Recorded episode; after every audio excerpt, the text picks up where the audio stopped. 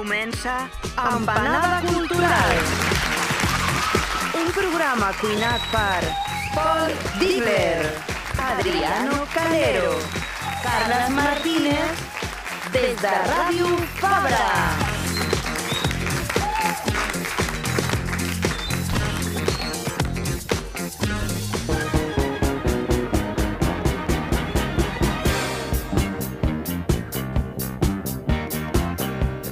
Bé, doncs, ja ha plogut bastant des d'aquell programa del Todo Mal, no? Però, nois, ja que venim de la cap cada cop menys nostrada diada, potser que avui canviem aquell castellanisme per quelcom més graller, no? Més, més sardaner, no? Ten, tenim una gran dita catalana que defineix, com molt bé il·lustraria en senyor Valero Sant Martí, la idiosincràsia catalana. Pitjor el remei que la malaltia. O millor encara, Sortir del foc per caure a les brases.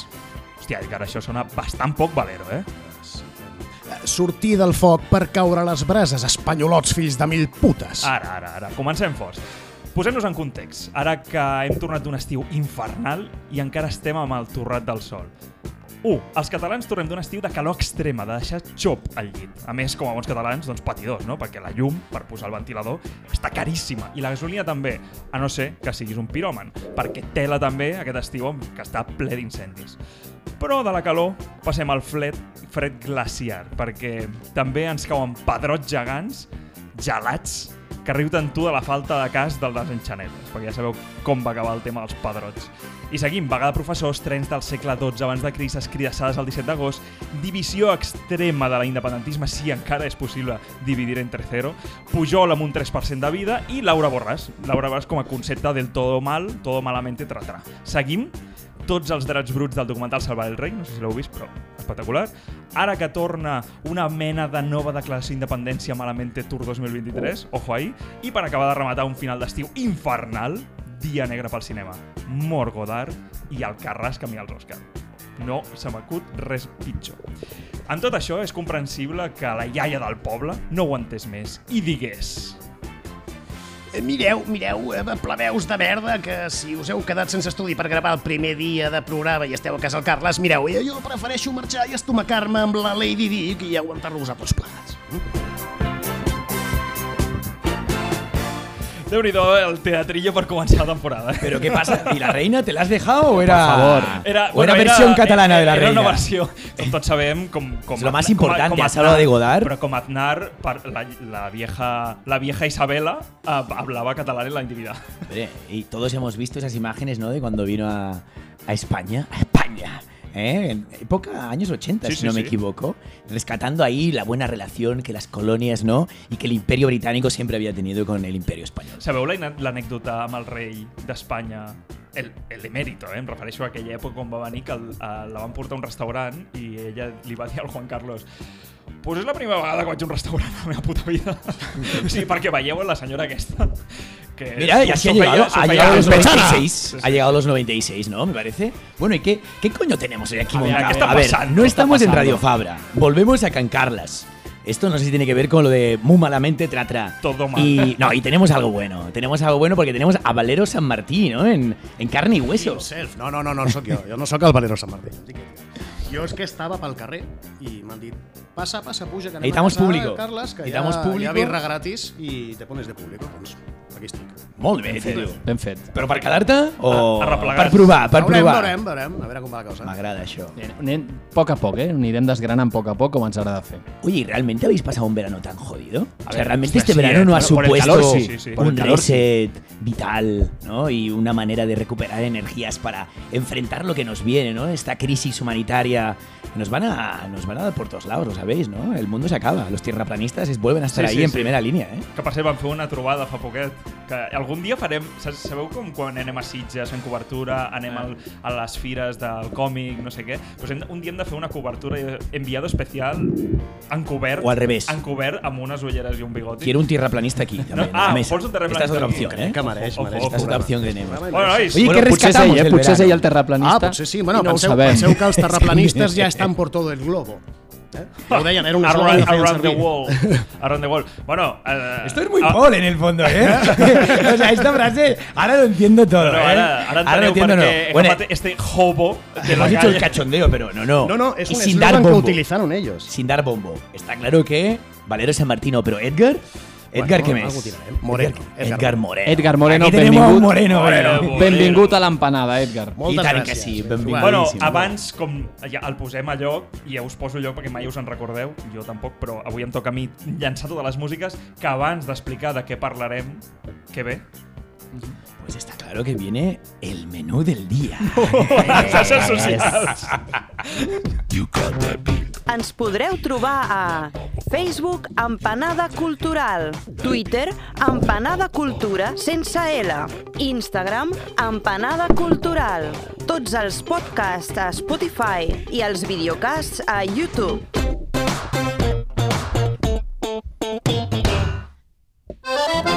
Menú del dia. Hòstia, no feia, eh, que no escoltàvem aquesta musiqueta. Hostia, qué, qué- nostalgia, ¿eh? Qué nostalgia nos entra por dos mesecitos que hemos estado fuera. Sí, sí, sí, sí. Dos mesitos de nada. Bueno, ¿quién empieza hoy? Yo, ¿no? Tú, ¿no? Hombre, yo con un peliculón. Y un Vas. peliculón muy justificado además, no solo porque es de rabiante actualidad, bueno, quizás un par de semanitas tarde, pero joder, es una peli como que se engancha, ¿no? Se te engancha en la cabeza desde una manera casi hipnótica. T'enganxa a la butaca, perquè vulguis o no, También, porque dos horitas, 45 minutos. Y por otro lado es una pega como pegajosa. O sea, sientes la humedad. La humedad que hemos estado viviendo todo este veranito está dispuesta en 2 horas 45 minutos en Tahití. Evidentemente sí, estamos hablando de Pacifiction de Albert Serra. Después desgranaremos. Obra maestra? Obra maestra? Bueno, es difícil hoy en día hablar de obras maestras, ¿no? Yo creo que uno también tiene la mirada tan pervertida de ver tanto cine que tiene que haber un poco como de, de- de mirada en perspectiva. O sea, yo no me atrevo aún a hablar de obras maestras cuando hace dos, tres semanas que, que he visto la peli. Ahora, peliculón, sí. Pero, pe- hombre, eso está A mi, clarísimo. Si no- el si que no més m'ha agradat d'ell és el que més m'ha agradat d'aquest Eso sin lugar a dudas. Sin lugar a dudas. Pero peliculón sí. Sí, sí, ya sí, veremos lo de això està maestro clar, más està adelante. clar. Després, portem alguna obra mestra en quant a art? O Portem... Com va Doncs això? mira, això és, això és bona pregunta perquè porto una corrent artística que potser per algú és obra mestra, però per una altra persona és eh, una presa de pèl. Vale? De què parlem? Doncs de pop art. Em pensava que era ta mare. Una altra. No, de Albert. ¡Hola! Que nos escucha, Está- tío. está- Por favor. Que pocos oyentes que tenemos está- con lo que nos quiere. ha patat fora, eh, això. Ha patat fora, eh, del so. Le voy a esclatar la, la, la- esclatar la, Le voy a la esclatar la botella. el to de la testa. Ha sido un poco Albert No, Serra, ahí, ¿eh? ma Te mare en general, esclatar. el seu art és benvingut, agrada molt. Sí, home, sí. I- Ja sabem, des d'aquí ja sabem que l'estimem un muntó i que ens firmi Però un clar, quadre. si, si pensem en un quadre que és una llauna de tomàquet exposada en un museu, doncs per molta gent podria semblar... Bueno, i això què collons és, no? Bueno, ayer me sirvieron una pizza encima de un pote de estos de tomate. Sí, sí, ¿eh? sí, sí, sí. decir Y esto, puesto en un museo, sacado de contexto, Maravilla. podria ser una obra d'arte. Poco desfasada, però podria serlo. En qualsevol cas, parlem d'un artista d'aquest pop art, que és David Hockney. Molt bé. Molt bé, molt bé, molt bé. Doncs uh, acabarem, uh, uh, ja que dèiem del foc a les brases, doncs ens anirem realment a les grans brases, perquè si acabem d'una forma aquest programa d'empanada, aquest retorn a la quarta temporada ja, uh, és uh, anant literal a les brases, a les grans brases, que és a l'infern. Ens anem amb un videojoc que ja us desgranaré, perquè ens en anem a l'infern per sortir de l'infern, que de fet aquí és la gran... Ara ja comença el fresquito. Jo, la Claro, veritat, eso- a les nits ja m'estic tapant una mica. que estaba pensando, digo, ¿qué- qué coño es per esto això de- acabarem el programa ja enfocant cap al fresquete, vale? És a dir, ens trobarem amb el videojoc Hades, vale? que ja veureu que té bastant, té bastant de mitològic, vale? Però d'una forma bastant alternativa, bastant, bastant còmica. Pero un infierno en plan Winter is Coming o algo así. O sea, o sea vamos a un, un infierno. Un infierno blanco. helado. Un infierno, ¿O qué? com ¿De qué era la pel·li esto? aquella? Uh, Dead Snow, no? La de Hòstia, los sí, zombies nazis. Zombies nazis, meravellosa. Bueno. Tommy Wirkola, que, Bueno, que i va presentar Ens estem anant. ¿Y Ed- Edgar qué? ¿Y Edgar qué nos viene a contar? Lo del divagar, yo no, yo no he portat res, pues yo, yo he venido a por las cervezas. ¿eh? Ah, vale, que quede claro. O sea, final creo que es no. una indirecta. O sigui, el got no aquest- veo cerveza en la Edgar, mesa. aquest got que tens aquí. es. Él es el inteligente del grupo. ¿eh? Ah, yo he venido aquí a lo importante. No he fet els deures, Bueno. he venido a cuñadear. He de con reconocerte que en el mundo del podcast se lleva mucho lo de la pompa. O sea, tú empiezas un programa y antes de hacer editoriales y cachondeo, no, no, tú tienes que llegar y decir, Hola, buenos días. Mira, yo soy actor, eh, además Hola. soy locutor, soy, soy actor, guionista. locutor. Y vengo soy a hablar de mi artista, libro. He venido a obras maestras. eh, es decir, esto es importante, Sí, ¿no? yo Porque no- si no, la gente ya como que no te, no te recibe con el básicamente respeto he que venido merece. a trolearos. Ah, vale, Adri Adriano, el manual del toqui. triomfador. doncs bé, Troleanos, porfa. ens troleanos. anem cap a, doncs, cap a cinema. Cap a Tahití, nano.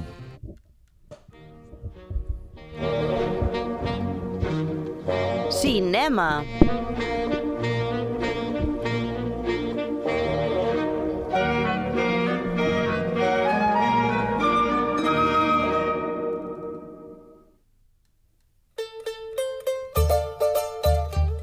Bueno, bueno, bueno, que no es mentira, Arquino, que nos vamos a Tahití, joder.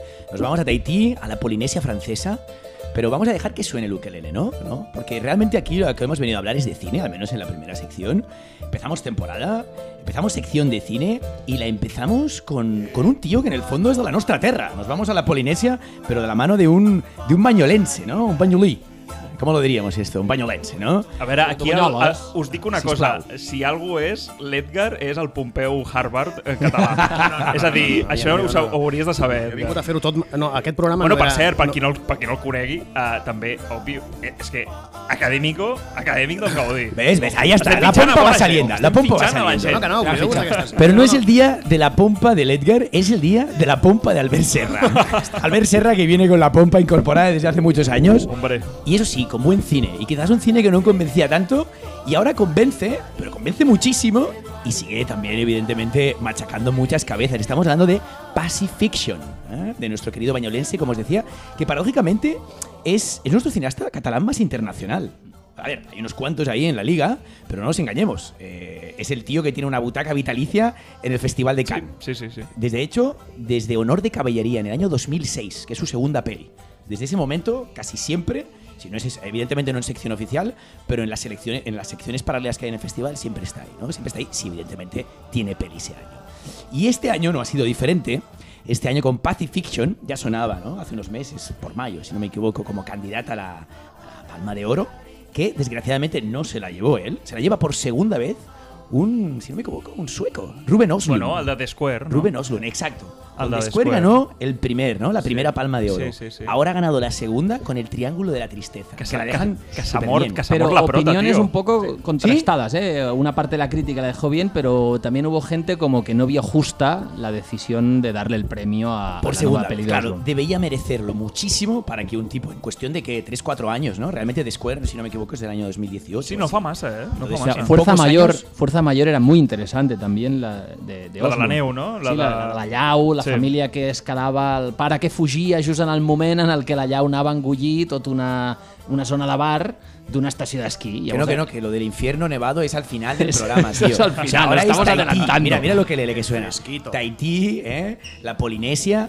Y es que, vale, que en Cannes sonaba Pacifiction, pero ahora lleva unas cuantas semanas sonando. De hecho, desde principio de septiembre, que la tenemos en nuestras salas. Y yo hace muy poquito que estuve, no sé tú que me dijiste que estuviste el sábado, si en la sala estaba. Ah, Sí. No, era, et dic una cosa. És que, a veure, també que estem... quan estem, jo estuve el jueves estava a entrant, petar. est- No, no, no. No, no, no, no entremos, no no, no, no, no. Jo només dono informació de servei. Jo estava el dissabte a les 5 de la tarda, perquè si no sortia a les 1.000, a les 5 de la tarda, el dissabte, als Yelmo i Cària, que tampoc és... Bueno, es verdad, los Yelmo nunca están a petar, està. Bueno, I hoy en día ningún cine está petado. Érem, por érem, desgracia. érem 12 i vam acabar 6. Jo només dic Ah, això. o sea, la peña se levantó. Oye, pues he de decir que en la no sala de- aplaudir, eh? Pues yo te digo, en la sala de Renoir estaba bastante Pel lleno. Renoir ja es dona això. Sí, ya se da un poquito más. Estaba bastante lleno y la primera sensación que tuve desde, coño, qué raro es esto. O sea, al ver Serra, con una película de 2 horas 45, eh, con una sala, diremos, en el 80% ¿no? de su plenitud. ¿Qué pasa, no? ¿Qué pasa? Que ahora la gente, o bien el calor no ha sido suficiente, la humedad no ha sido suficiente, y, y la búsqueda de lo exótico nos lleva a querer ir a Tahití así sea a través de la pantalla, o bien Pacifiction es una película que se ha vendido como si Serra ya no fuera tan Serra, ¿no? Eh, quizás es ahora un, un Serra más comercial. Que sería un error Es- pensar eso. Sí, sí, sí, sí. Bueno, Bueno, però és, es una que mica quizás, l'exercici de mainstream com to me. Quizás es que Serra ahora la- vale que se preocupa por el espectador. ¿Vosotros qué creéis? Jo crec que és un error pensar que és el, el, el, el director que s'ha comercialitzat o que ha donat una versió més digerible de si mateix. Veamos qué dice él mismo de lo que piensa del espectador. tan exhaustivo que lo último en que piensa es en el espectador, en el efecto que puede causar. Es tal, digamos, el, el esfuerzo para analizar estas imágenes, para intentar combinarlas, para buscar la mejor combinación. 540 horas de rushes, ¿sabes? Eh, pues, eh, la problemática es puramente de lógica interna y formal. Y, Soy tan el puto amo que hay. O sea, ¿quién coño se va a preocupar de un puto Mindundi en una mejor. butaca dos horas 45 minutos? No, no, pero es que me flipa. O sea, es tan exagerado cuando lo escuchas que siempre tienes ese punto de decir, ¿es él o es alguien que lo imita? No, a ver, yo siempre, o sea, es Jo, realmente... jo a vegades penso que és el punt set, que ha, ha, reviscut i el limita. La posseït. Sí, sí. Bueno, que sepáis que no va a haber más declas. Nos hace mucha gracia, yo creo que aquí, aquí a todos, Home, al menos sí, a mí sí, muchísimo. sí, sí. Fan absolut. Eh, Su total. personaje es maravilloso. Pero bueno, es que al final estamos ante un director que tiene un personaje muy elaborado. Y este personaje sale a pasear con la promo de sus pelis, pero también dando clases. Es un tío que tiene muy bien construido su personaje. Y en el fondo, como se las da de esto, ¿no? Que nos comentabas antes, Edgar, me ha gustado esa idea de que el cine de Serra, ¿no? Para aquellos que no acaben de conocerlo del todo o que no hayan tenido la oportunidad de oírlo hablar todas estas semanas, eh, ¿qué decía, no? Que el cine de Serra es como, como una canita al aire, ¿no? Sí, no, no, és com, com que l'espectador li, li fa el al cinema comercial, no? Per anar a un cinema elevat, que només pot. És com que li exigeix l'espectador ha d'estar a l'alçada de les seves pel·lícules. També, també et dic una Totalment, cosa, eh? recordo un crític que més, sobretot al Carles li encanta, que és el Pàmies. uh, I va haver un moment que va comparant Albert Serra amb el Carràs, diu, és que el Carràs és el nostre Marvel. Oye, veo, esto no, porque abrimos aquí un melón de la hostia, ¿eh? Esto no. Está claro que tú eres de los de Asbestas, ¿no? De Asbestas, no de. Sorogoyen. Bueno, pero no lo has visto, Però- pero, eres de Asbestas. sí, sí, sí, y a sí, muerte sí, con sí, asbestos. Lo más divertido es que nosotros seguramente también somos de asbestas, pero por suerte somos pero lo de de Alcarrás. Alcarrás no nos, Somos no nos Alcarrás. duele tanto. Ahora, que quede clarísimo, Alcarrás y Serra están en las antípodas, que sí que hay una, hay una dirección catalana, ¿no? Por así decirlo, pero realmente no tiene nada que ver. Y que quede claro, Serra es un tío que se preocupa del espectador, porque alguien que quiere revolucionar, alguien que viene aquí, y de hecho es lo que viene haciendo mucho tiempo, ¿no? Que quiere revolucionar el cine, en el fondo tiene en cuenta al espectador. Es imposible revolucionar algo si no tienes en cuenta ese triángulo, ¿no? Però és que, Creativo que hay Però en jo cine. crec que a- o sigui, és tal qual això, perquè a vegades s'entén de que el cinema fàcil en el sentit de no d'entendre o no, sinó el cinema acomodat, no? el cinema de fer les coses que es van repetint en canon i, i algo funciona, doncs ho repetim mil cops. Uh, és al revés, no estàs pensant en l'espectador, l'espectador el que vol és intentar coses de que surti i digui, Surti. "Hòstia, hòstia, m'ha sorprès, és algo una mica diferent o, vale? o sigui, aportar aquest, aquest plus, no? I jo crec que justament cinema com l'Albert Serra pues, intenta, no? Com a vegades hem parlat d'aquest mal dit eh, terror elevado, però a vegades aquest terror que intenta coses diferents, no? Sí, y en este caso además lo de Serra eh, tiene, se las trae, ¿no? Porque sí que es cierto que Serra estaba con una realidad como mucho más de no trama, ¿no? De hecho, la última película, Liberté, es una peli difícil, ¿no? Densa, ¿no? Porque realmente era una recreación continua y una manera de construir lo visual eh, como si estuviera sucediendo frente al espectador, pero claro, muchas veces sin, sin, sin ese plus ¿no? narrativo que te ayuda un poco a seguir dando pasos. Y esto estaba muy claro en Liberté y en su cine anterior. No pasa en Pacifiction. En Pacifiction, evidentemente, hay un planteamiento con una trama accesible, aparentemente, Sí. que en el momento también que se rompe, porque hay como una suerte de divagación, ¿no? Y un tiempo dilatado, que además me encanta porque es súper caótico, no hay, no hay una linealidad, ¿no? Es, noche, día, tarde y nunca entiendes en qué momento estás, además sobre todo por el vestuario que nunca cambia, ¿no? Pero an- antes de entrar en materia, que, insisto, ¿no? Que quede claro que seguramente es la película más accesible, que, pero sin lugar a dudas sigue siendo una película como muy poco convencional que te puede abandonar a medio camino si sobre todo tú te has creído que Serra ha venido a hacer una, una peli mainstream, ¿no? De hecho, él lo dice, no solo habla de la canita, ¿no? Él también dice que, es su peli que su película más convencional es la película más original del mercado español. Menos, ¿eh? Menos que Godard te lleva unas cuantas, unas cuantas pantallas pasadas. Menos lobos. Y, y yo no le daría tanta pompa, aunque, aunque sí, hostia, Pacifiction es la hostia. Empezando por su título, ¿no? Que también maneja como ya una suerte de ambigüedad y de capas, porque yo de hecho continuamente que intento escribir el título me sale Pacification, o sea, es inevitable, ¿no? Y ya sabemos que Serra aquí a pacificar no viene, a lo que le mola es provocar. Pero Pacification también puede ser traducido como como una suerte de, de- ensoñación, ¿no? De calma, ¿no? Que, que- aparece y que en la película de algún modo se construye precisamente para ir generando un enigma, ¿no? un enigma muy magnético. ¿De qué, ¿De qué habla Pacific en el fondo? De dos conceptos, de Pacific, ¿eh? sucede en el Océano Pacífico, y la ficción, la ficción que nos trae de cabeza, aunque él habla de un hiperrealismo, ¿no? Por, un lado es una cosa como, como tan... tan tan hiperrealista que, que no, es que es, es acojonante, ¿no? Con el Benoit Magimel, ese pedazo de actor. grande. Que vamos a ir llegando, ¿eh? Vamos a ir llegando, pero... Pero como las buenas pelis, yo creo que es una peli que apunta en muchísimas direcciones, que ofrece muchas lecturas y reflexiones posteriores, y aunque el título ¿no? es, es la suma de estos dos conceptos, esa calma de la que esa calma aparente de la que parte la historia, que en manos de Serra acaba derivando en un enigma de todo inóptico, yo creo que esto es, es algo que si has entrado en la primera hora de, ¿no? de, de película, es difícil que te suelte. ¿no? Pero bueno, ya que en Pacifiction hay trama esta vez, comentemos cuál es, hablemos un poquitito de ella. Pacifiction ocurre, como ya hemos dicho mil veces, en el Pacífico, en Tahití, en la Polinesia francesa. De hecho, en la capital, Papete, aunque hay momentos de barco, hay momentos de avión, hay movimiento ¿no? dentro de la propia isla, pero sí que es cierto que está ubicada en Papete. Allí donde vive el alto comisario de la República, que es este Benoit Magimel, haciendo de, de roller, interpretado para mí por un gigante, ¿no? Es un tío Sí, sí, mayúsculo. Es- ya no solo por su físico, ¿no? Que parece que siempre tiene esa tendencia a lo, a lo grotesco desde Sí. una elegancia francesa, Sí, sí, sí, sí, sí. pero claro, con, ese, con esa humedad y ese sudor continuo, el tío de alguna manera se mueve como, como pez en el agua, ¿no? Hi hi ha un punt que físicament és Albert Serra. Es que se habla claramente de un alter ego, ¿no? De un Vale, alter ego y de un vale, tío vale, que tiende como a esa hinchazón. Albert Serra está muy delgado últimamente, era más gordito en el pasado. No, no del volum, sinó todo el pelo, Sí, un punto, ulleres sí, un non-stop d'aquelles ulleres fosques. O sigui, Tiene un punto y de hecho hay un momento que se, que se le aparece como una suerte de, de- de gota, ¿no? Ves las piernas cuando está remangado en- en- encima de una lancha acuática y el tío, pues es esto, ¿no? Hay una idea de, deterioro porque no es tan mayor. Él no es tan mayor. Pero hay una idea de decadencia en el propio físico y de nuevo, ambigua, ¿no? Porque hay una apariencia elegante, de poder. Estamos hablando del alto, del alto comisario de la República Francesa en, en- una colonia francesa, como es Tahití, como es la Polinesia francesa, ¿no? Pero bueno, lo que os decía, el tío se mueve como pez en el agua, mm, de alguna manera está representando al poder, pero siempre se, se presenta cercano, ¿no? Con todos, con los franceses de la isla, ¿no? eh, con los expatriados de cualquier lugar, eh, con los lugareños, con los poderosos, con los plebeyos, marinos, políticos, artistas, de unido el collage ¿eh? de personajes que hay. Y pretende estar ahí como un hermano para todos. Esa es la sensación que yo tengo en todo momento, ¿no? Pero tras unos, unos modelos exquisitos, resulta evidente una cierta soledad, ¿no? La, la soledad del poder, ese cálculo, esa desconfianza continua que le mueven como, como personaje. Y ese motor de, de desconfianza, sobre todo está originado por unos elementos que, que parecen ya como de ciencia ficción, ¿no? Que, que ahí damos ese, ese salto linchano, ¿no? A, a el submarino, la marina francesa, És que és com que viene el lobo, no? És Sí, una sí. mica... El rumor de que Sí, se retomen ensayos nucleares en el archipiélago, porque esto ha sucedido, está ahí en la historia, eh, y parece que podría volver a suceder. ¿no? Ensayos nucleares por parte de Francia. Y así conforme avance la película, la película ¿eh? va perdiendo ese control y la paranoia de alguna manera se va apoderando. Y se apodera, como él decía ¿no? en, en su decla, desde una perspectiva de lo formal. ¿no? Aquí todo es formal. ¿no? Aquí todo- eso es lo que importa realmente.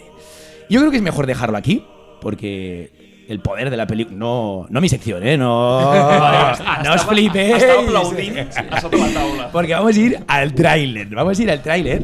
Eh, es mejor dejarlo aquí a nivel argumental, porque ya he dicho que esta peli, sin lugar a dudas, eh, no depende de la trama, así sea lo que se ha querido mover un poco desde, desde los programas, las entrevistas y tal. Para mí la película real, como suele ser en Serra, en Serra está en las imágenes, ¿no? no en los diálogos ni en la trama.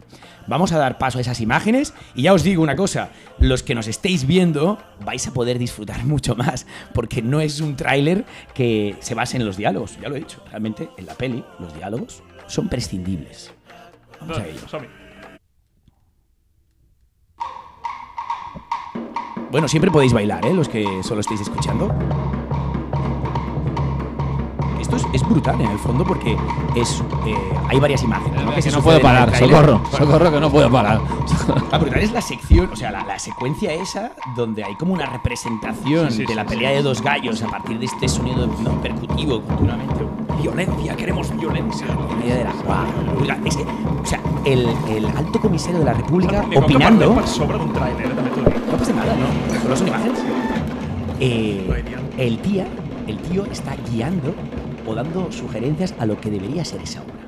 O sea, hay un posicionamiento de lo teatral muy importante por Sí, parte sí, del sí, personaje, ¿no? no solo está en la Oh, política. És molt kitsch, tot el tema camerinos.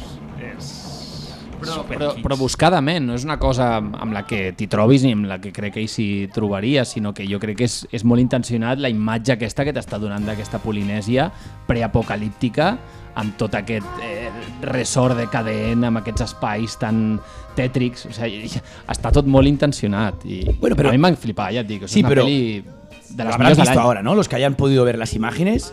Eh, hostia, es una película que navega alrededor de la belleza, ¿no? Continuamente. Hay un, hay un potencial visual en sus películas y en esta en concreto acojonante, ¿no? Hay una angustia también que subyace continuamente en esa belleza y lo podríamos ver al revés, ¿no? Como, como una angustia y una belleza que subyace en ella. Y el tío va manejando estas dos capas, yo creo con, con una brillantez brutal. Y a veces parece un sueño, eh, en otros momentos parece que estés ante un delirio, una ilusión. Ese momento que además construye muy bien, ¿no? En la película, que es entre sueño y la vigilia. Que de algún momento, o sea, de alguna manera ya como empieza, ¿no? Hostia, qué, qué acojonante el traveling, que tiene un tono casi crepuscular. Eh, desde una perspectiva visual, ¿no? El sol siempre está como poniéndose, pero no sabes si es un amanecer. Sí, sí, sí. Esa idea de crepuscular. Cuando empieza la peli, dices. Y el traveling inicial, ¿no? Que parte de un de una doble mirada, ¿no? A la isla, con, con una, con una isla muy geográficamente muy accidentada, que casi recuerda, ¿no? En sus picos un poco a, a Montserrat. Hay un momento que en la distancia tú estás viendo el relieve de esas montañas y no es una isla paradisíaca a lo coño, a lo Maldivas, para que nos entendamos, plana. No, no, tiene una geografía muy accidentada. Pero en primer término, lo que estamos viendo es los containers, ¿no? Sí. De, de- de la, Sí, sí, de la vida real, ¿no? Del, del comercio, pero franca, también de la mafia, ¿no? En el franca, fondo, ver, ver Però és containers, que ver zona peli- franca. És que la pel·li és una pel·li noir política màfia, o sigui, un moment de màfia total. Bueno, un moment no. Sí, no, no, o habla de lo yo creo, peli. yo creo que habla de lo caduco de la política, ¿no? En el fondo lo caduco de la política de un imperio, final de un imperio francés y de unas colonias que tampoco se pueden seguir justificando. Y él, de alguna manera también lo que plantea en esto es hasta qué punto, hasta qué punto son víctimas los lugareños de, de esa colonia y, a- y hasta qué punto los, de alguna manera, los poderosos no son las auténticas víctimas. Porque nuestro personaje, que es el protagonista, es un tío con el que empatizas muchísimo. O sea, realmente, no sé si está en la gracia de- del, del don que tiene Benoît Magimel, pero realmente es un tío con el que te vas. A mí algo que dijo eh, Serra en una entrevista me dejó alucinado. Me dijo, o sea, me dijo a mí, ¿eh? me hablaba a mí. Me hablaba a mí, no lo sabéis, pero me hablaba a mí. Mi amigo Albert, Al. Albert. Decía, hay que mantener viva la inocencia, ¿no? Esa idea de desvelar y de hacer visible lo, lo invisible, que no solo lo dice él, ¿no? Lo dicen muchísimos cineastas. Y, pero para ello, como que era saludable partir del cliché y ponerlo en duda, ¿no? Y, y el tío, concretamente, lo que decía era, hay que forzarse a odiar a las supuestas víctimas. Eso me parecía súper interesante, porque los lugareños de esa peli, en el fondo, están presentados como bandidos. Y, y el propio bandido, que no deja de ser un, un auténtico mafioso, ¿no? Que mueve hilos a su antojo, como una víctima. Y viceversa. Y, y esa idea, ¿no? De lo que os hablaba, de, de la angustia y la belleza, de- de- del victimismo y el verdugo, pero que puedan ser No, intercambiables. no, és que ella no salva ningú, eh, en aquesta pel·li. Bueno, en el fondo es, es un poco como esa idea del enigma cinematográfico como el enigma vital. ¿Quién coño se salva en la vida? ¿Sabes? O sea, en el fondo, si vamos ahí. Y, y es algo interesante, ¿no? Porque no reduce. Es un- el, el cine de Serra es esa la idea, ¿no? No reducir a. a la, eh, la vida, simplificarla en una película, ¿no? Esa ambigüedad natural que tiene la vida, que sea una ambigüedad natural de las imágenes. Y eso, claro, a veces es difícil, ¿no? Porque parece a veces no haber conexión en- entre esa causalidad, ¿no? Que debería ir sucediendo en la película. Pero en todo momento, y él lo, lo lo ha dejado clarísimo, esa es su intención, ¿no? Pa- Partir, eh, lavarse los ojos después de cada mirada, ¿no? Que esto ha salido muchas veces. Bueno, de hecho, ahora que estabas diciendo eso de esas imágenes, ¿no? Y de ese punto casi no- noctámbulo que tiene a veces la película, cuando hay la escena sobre todo del bar, que tiene un punto linchiano. Pero hay, hay momentos, realmente hay momentos de la película, escenas concretas, que tú tienes la sensación, y, y con eso me viene una frase que dijo la crítica Eulalia Iglesias, que, que pensé, hostia, has dado en la diana, ¿no? Me decía, eh, la nueva peli A de ti también, Serra- ¿ves? A ti también te hablaba. Si es que nos hablan, joder, es que...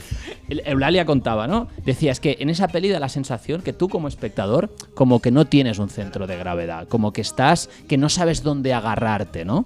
Porque la cámara justamente va a eso, ¿no? Es decir, te, te- te está llevando por unos espacios en los que tú te sientes como como si estuvieras flotando, ¿no? Y, yo creo que es ahí donde realmente entra en ese personaje que, como, como tú has dicho, empatiza, que tiene algo incluso del Albert Finney de Bajo el Volcán, esa adaptación que hizo John Huston de la novela de Malcolm Lowry, que era un cónsul, en ese caso era un cónsul que se iba a México, pero en la de, en la de Houston había un tratamiento más alegórico, porque veías al cónsul borracho, eh, eh, medio de la noche, eh, con la lluvia, y de repente aparecía un caballo blanco, o sea, le daba un tono mucho más alegórico. Sin embargo, aquí no trobem això, o sea, tenemos una cosa como más linchana, más de, pues eso, ¿no? O sea, como que te deja en un estado de que no sabes a lo que agarrarte. Sí, es lo que os decía. Com més, realmente com una- més t'apropes també al final, que, que final també. Sí. Um, bueno, esta canción en el fondo Sí, sí, sí, está sí. en, en- Però, per exemple, en la, la última la pero está del ahí. pòster, la imatge del cartell, que és ell mirant cap amunt, que és el moment de la pluja, aquell camp, no? amb les llums del camp, i tot, aquell, i aquell moment pensant, què, què, què cojones? Bueno, es que esto, esta canción que estamos escuchando, está montada Eh, sobre varias escenas, puja, pero principalmente la escena del baile en la discoteca, ¿no? Esa discoteca que es como èpic. Lynch, es puro Lynch. es el, Sí, sí, el puto es- lugar de es encuentro de, guay, de, eh. de todo esa, de esa mafia, pero una mafia no, no, no concreta, ¿no? De nuevo lo mismo, una, una, una mafia totalmente heterogénea de personajes y realidades muy distintas. Eh, no sé, o sea, no tiene nada que ver, pero me recordaba al, al puto bar de los Soprano, al que siempre Sí, volvía, Badabing, ¿no? Hay, hay una idea como de, Sí, sí. de necesidad de hogar dentro de todos esos despatriados, ¿no? En el fondo. Y, y esto que estamos oyendo no tiene nada que ver realmente con el baile que llevan a cabo. Aunque sí que es un baile un poco como Sex- sensual. cariñoso y sensual, exacto. eh, va mezclándose también con una electrónica muy potente. Y parecería que la, que la música que suena realmente en esa sala es la electrónica. Pero de nuevo, dos capas que te confunden, ¿no? Y que te llevan a ese punto que hablábamos, ¿no? Onírico, muy fractal también en el montaje, ¿no? Una película que, esa idea de capas eh, continuamente también está desde, desde el enigma y desde el montaje. Y, continuamente esa idea de, de construcción y destrucción, de confundir y de que te atrapen, ¿no? En el fondo. Pequeños detalles antes de dar paso a la siguiente sección. Tema luz, tema luz y música, o sea, lo que es sonido y lo que es fotografía de esta Sí, peli sí. son acojonantes. Al so hi ha un punt que jo estava al cine i m'estava fonent... O sigui, jo vaig entrar molt eh, en la pel·li i entenc que hi hagi gent que digui hasta aquí i me voy. Però jo que em vaig fondre amb la pel·li, em vaig fondre a la butaca i el so hi havia un punt quasi de, de ASMR, saps allò de que estaves escoltant tota l'estona i dius, hòstia, és que estic vivint ahí, tio, en la isla esta, perquè els ambients, eh, quan estan al mar, tots aquells moments amb les onades, és a dir, tu estaves allà dins, però clar, el, el que és eh, l'envoltorio, o sigui, el continente de la pel·li, em sembla com molt, molt saturada de la imatge, però és Mucho. com, bueno, al final és, és tot, eh, és com paradisíac, o sigui, tu, tu veus tots els colors, que per cert, la càmera, vaig escoltar una entrevista, la càmera que van fer servir és la que tinc jo, la Black Magic, la, la mateixa, i vaig veure que el tio deia, sí, sí, o sigui, vam fer una càmera molt senzilleta, o sigui, que no és les càmeres com acostuma a ser una Alexa, que val, buah, la vida, saps, i tal, però la van comprar, van, van anar rodant, per això van rodant no sé quantes... Ah, un mogollón de horas, ¿no? Un tío. d'hores, però tu veus la imatge que hi ha una intenció, però les qualitats no és una cosa. De fet, tira molt d'un estil que és com a pospo, I, imagino que és pospo, no sé si és des de la pròpia Està en el límite, no? Però està, Està està, límite. els blancs estan molt patats, però no patats, sinó que tu veus com un halo, com, un, com que tot brilla una mica, saps? Com si estigués una Sí, mica sí. difuminat, però tu estàs veient el continente, que és una cosa molt saturada, amb el so molt maco, el so, el és l'hòstia, la música i tal, però després el contingut, cada cop que va augmentant, va- vas, vas avançant amb la història, jo anava pensant, hòstia, no sabia que estava veient algo rotllo noir, màfia, politiqueo, rollo, ojo, ¿sabes? Llavors és, és un contrast xulo, tío. Y ahí, eh, o sea, yo creo que también en lo que estás comentando está un poco el dilema de la peli. Si tú esperas, ¿no? ya no en lo estético, ¿eh? sino en lo, en lo argumental, que se va apareciendo ante tus ojos poco a poco, que es una peli que te lleve de la mano y sí que en cierto momento al principio te da una manita, Serra, ¿no? Te da una manita y te dice, vamos a caminar. Claro, el tío sabes que te va a abandonar, ¿no? Sí, sí, Está sí. clarísimo. Si eres un espectador que necesitas que te lleven al punto final, te levantas y te piras. Sí. Pero si de alguna manera, y ahí para, para empatar con la pompa de Serra, lo que proyectas, que siempre te he hablado, ¿no? de la idea del ojo eyaculador, ¿no? Ese ojo que construye las imágenes también, que tiene pura acción en él. Porque Ojo, el ojo, el ojo eyaculador. eyaculador. Me parece muy potente, tío. O sea, sona- me parece potentísimo. A, de productora. eh? Oye, Porque tú vas creando esas imágenes. Este es tu Son próximo- Serra, ¿eh? Pero tú las vas creando. tu próximo artículo para Cinetransit El ojo molaría que fuera este. Yo quiero El leer. ojo lechero, No, ¿vale?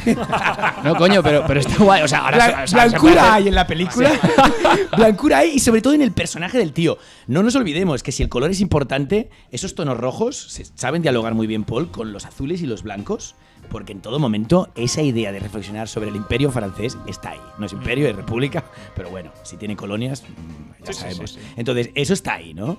Ese ha salido nombres como Lynch. Es que me atrevería. eh, o sea, no tiene nada que ver con el cine de Godard. Lo habéis mencionado un par de veces, tintes lynchianos. A mí Albert Serra también me habla en sueños. Y cuando la gente se haya olvidado de Lynch, seguirá teniendo presente a Albert Serra en el imaginario cinematográfico universal. Grande, grande. O sea, realmente, ¿eh? ¿podríamos hablar de Serra como una herencia de Lynch? ¿Catalana? Ah, sí, llavors sí. El Lynch català. Ta també et dic una cosa, veient Pacifiction hi havia molts moments que em venien al cap, i això ho vam portar fa molt de temps, però que era Tu Alto de Young, tio. Hòstia, és que sí, tiene algo també. És a dir, per, per qui no ho sàpiga, és una sèrie que va fer Nicolas Vindenrev, no? Uh, director de Drive i tantes altres, però que va fer aquesta sèrie, que són capítols d'una hora, però que cada pla potser dura 10 minuts. Llavors, clar, al final és una, és una dilatació, és un noir, neo-noir d'aquests amb violència, Tiene com, com acaba fent i tot, sempre, però hi ha aquest punt de et vaig dosificant, vas entrant a la història, saps? I em recordava molts moments sense el neó... Bueno, les, També el té, no? de. Punto Winding Refn. També el- té el- colors saturats aquesta sèrie del Wind Sí, and sí, sí. Mol. Tiene un punto Winding Ref esta peli. Lo que pasa que es cierto que te diría que el tiempo de, de Ref es más dilatado aún, ¿eh? Sí, sí. Que No, en esta allá- película. allá es extremo, aquí hay más es acción, lo que pasa que hay más confusión. I ahí pone reggae i és que... Sí, es verdad. Bueno, y aquí qué coño, esta canción Bueno, yo la- es te lo juro que estaba viendo ¿no? la peli y dije, hostia, al le agradará. Sí, sí, sí, al le agradará. Bueno, acabamos. Eh, hemos hablado de Benoît Magimel, pero también he dicho en algún momento que hay una suerte de, de elenco actoral acojonante. Entre ellos aparece Sergi López, Sí, como sí, el dueño sí. Del, del. ¿Cómo has dicho? Del Badabing. Del Badabing, exacto. Eh, aparece Luis Serrat, que es el, el- el hombre de, de tamaño voluminoso, Hostia, que siempre aparece en sus tío. películas. Y es como, es como, tú no digas nada, tú solo presencia. Tu presencia en sí Tu, ya es tan grotesca, tan oronda, i duerme que tu mantente. I, i és, és, és, o sigui, el, ell com a personatge em sembla fascinant. A més, hi ha un... Sense, sense fer l'espoiler, eh? però al moment final del cotxe, que hi ha tot el Sí, discurs, sí, sí, això és el un que discurs super èpic i super sòrdid i, i fosc i incendiari i l'altre tio el veus allà al, al seient del copilot subant-la i dient-li sí, sí, sí, sí, sí. i dius, uah, quin contrast de que m'estàs Sí, sí, ah, deixant és- anar- m'es- m'estàs deixant anar al gran discurs de la pel·li del personatge i l'altre tio a més està molt ben enquadrat perquè tu el que veus és el, el prota parlant així com, com molt fort en el, en el seient del pilot però després, tu, amb l'enquadre, tu veus el, el retrovisor que està enfocat cap als ulls només del copilot, que és aquest tio gros, i, en, i amb els ulls que va fent, no? va, els va clocant, els va tancant, i va fent, sí, sí, sí, en plan, sí, sí, lo que, lo que usted diga. Y creo que I tiene penso, la mejor reflexión de toda la peli. Ahí sí que hay una idea narrativa desde la palabra. Sí, sí. Y es la comparación, no quiero cargármelo todo, porque vale la pena. Es como un monólogo en el fondo Sí, del sí, mero sí. Amashimel en el coche, con un, con un espectador Sí. ausente, que en el fondo también te está diciendo mucho. Sí, los que se, los, los que se fueron de. Sí, sí. Y el tío eh, hace una reflexión brutal y habla de cómo la política es como una discoteca.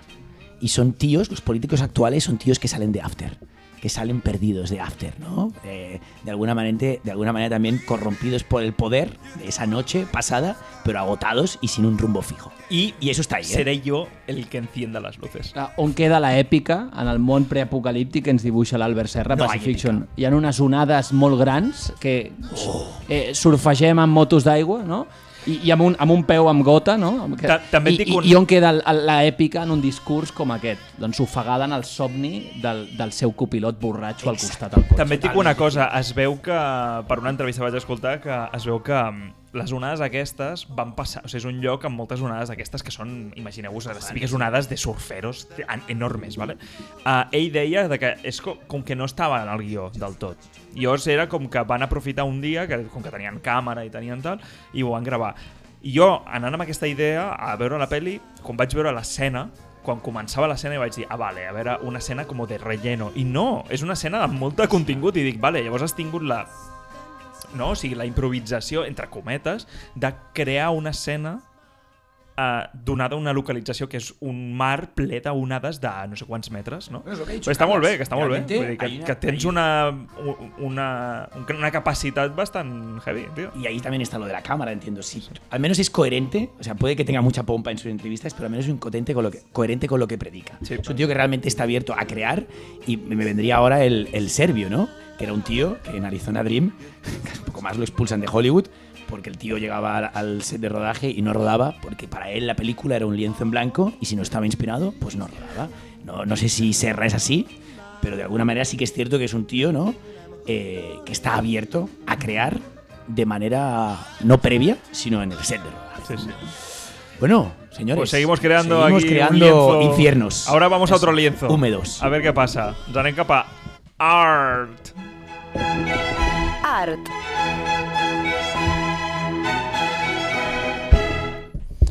Clar, és, és molt curiós no? que en un programa dius, hòstia, anem a parlar doncs, d'això, no? d'un foc que anem a parar les brases, d'un estiu que, francament, francament, ja ho estava dient el Pol, ho hem dit a l'inici, ho tornem a dir ara, de, de relaxant ha tingut poc amb aquesta calor, amb aquests incendis que ens arribaven no?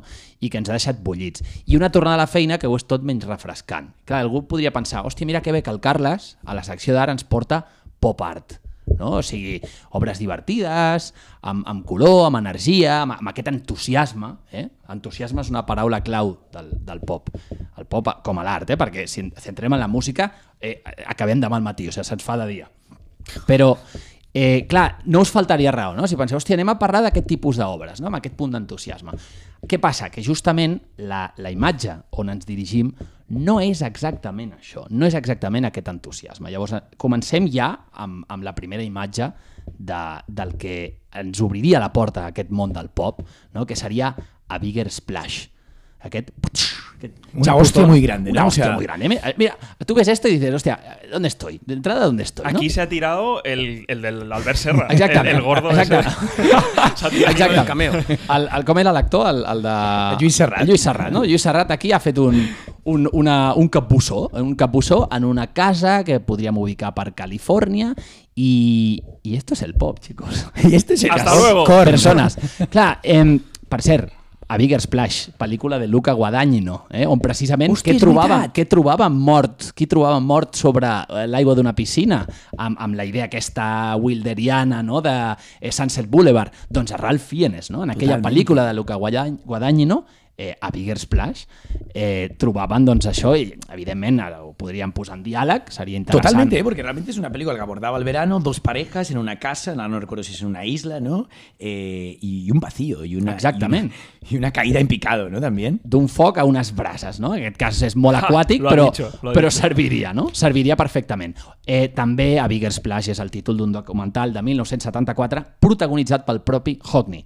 Hockney, David Hockney, artista anglès, emigrat als Estats Units, molt polifacètic, pintor, dibuixant, fotògraf, escriptor, però per entendre què s'està cuinant eh, en aquestes brases d'aquesta secció d'art d'avui, crec que és imprescindible posar en context l'art de David Hockney. Per tant, parlarem breument sobre una dècada, una dècada marcada pel reclam, per la falta de llibertats davant d'una política inepta com la de Pacifiction d'Albert Serra.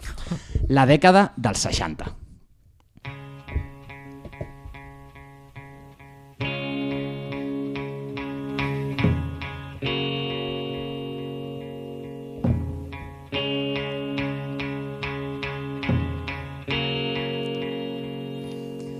I amb aquest Heroin de Lou Reed ens situem en una època on la joventut cridava no.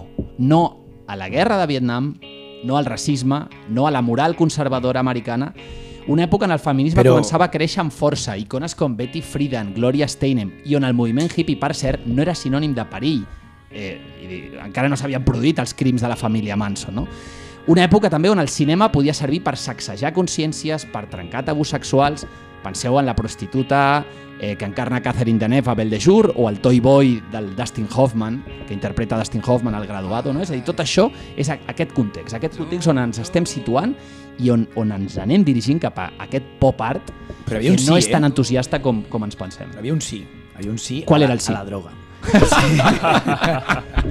Sí al LSD. Sí, a la heroína, o sea, Lou Sí. Tío, es como... Sí, sí, sí. sí. Exactamente. És que, por cierto, a cançó pop, cançó eh, concretament d'acid pop, el que estem escoltant ara, que justament ens parla de, de bueno, dona una visió molt crítica de la societat de consum, que és el que molts cops celebra el pop art. No? Bueno, després també es- hi havia la de Brown Sugar, no? Que és el mateix, que també és d'heroïna, que és la que van fer de celebració per la muerte del Rolling Stoner. Muy bueno. Que los 60 y... Es que eh, fue muy muy mal, heavy, eh. tío. Esto, aquí hay, hay marro, aquí hay, hay, hay, hay, hay, hay escalforeta. Clar, tots aquests inputs que hem anat dibuixant aquesta dècada dels 60 ens va bé per parlar d'una cosa super important que té a veure directament amb el pop art. I què és? És la contracultura americana. Val? És a dir, evidentment, grans ítems que ens venen al cap ara, o tòtems, el Dennis Hooper d'Easy Rider, eh, el cinema de Kenneth Anger, aquest punt provocador, o les cròniques esbojarrades de la generació Beat. Ara comentaves lo de les drogues. És a dir, qu qu quanta drogues van fotre els de la generació Beat? El Barrows i tots aquells, no? O el, o el, eh, o Bueno, el o Jack sigui- Kerouac, o sigui, eh, per, que- per escriure también, totes aquelles barbaritats. también o qué? Bueno, evidentment. Yo sé que lo quieres dejar para No el es final, pero es que lo estoy viendo. No, no és que... ja entrarem, ja entrarem. No, no, o sigui, la, lo, los beats hi havia dos, dos faccions, no? Que era uh, el alcohol se lo consumia Bukowski y la droga durísima era Barrocks, ¿no? Llavors eren, eren dos colegas que se hacían así, eh, chocaban los puños y dices, bona. tú a uno y yo. Doncs va molt bé que posis aquests dos camins, Pol, perquè justament si parlem de contracultura americana, parlem de dos camins. D'una banda el pop i d'altra banda la psicodèlia. Llavors, si pensem en, en el pop, vale? pensem en, ja d'entrada en, en una paraula que va batejar l'artista britànic Richard Hamilton i que té a veure, com deia, importantíssim, amb una actitud d'entusiasme. Sí? És a dir, el pop mira la realitat urbana com una cosa que s'ha de celebrar. És una mirada que està atenta als productes, als anuncis del nostre entorn quotidià, vale? i independentment va dirigit independentment a qualsevol persona, és a dir, ens està parlant de productes que compra la persona que té més pasta o la persona amb un nivell adquisitiu més baix. Vale? Però també és una mirada, la del pop, que venera les icones.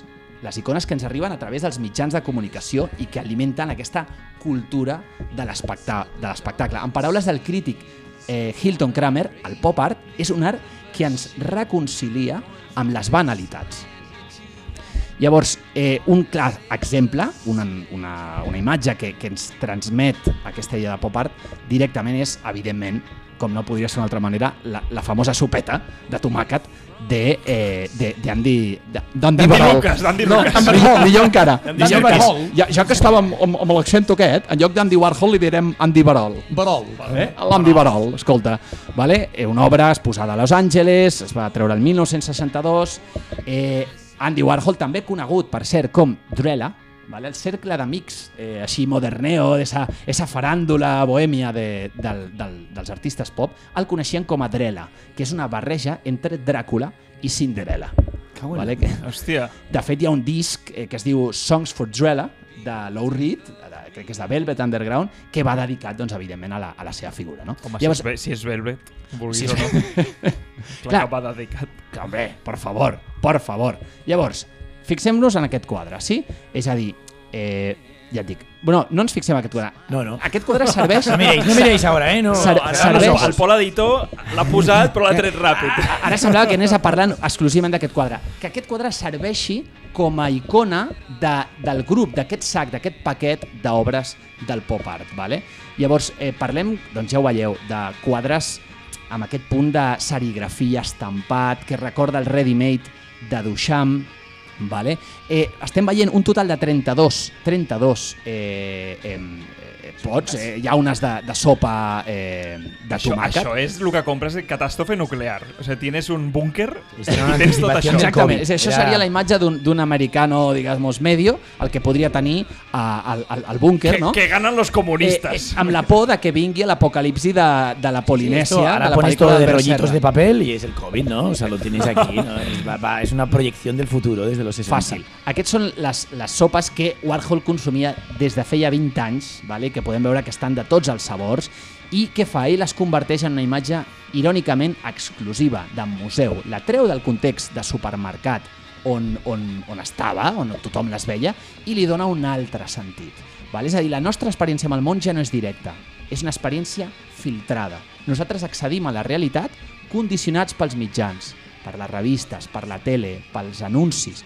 Però el pop, ojo, també pot adoptar una mirada menys entusiasta, menys optimista, com és el cas d'aquesta cançó que estem escoltant, Heroin, de, de Velvet Underground, que parla doncs, d'aquesta decadència de la societat de consum. Bueno, pero porque aquí también hay una psicodelia, ¿no? En el fondo, en esta canción, hay una idea como ya de, de LSD también. Es decir, eh, hay, hay un punto que aunque sí que están enmarcado en ese concepto pop, ¿no?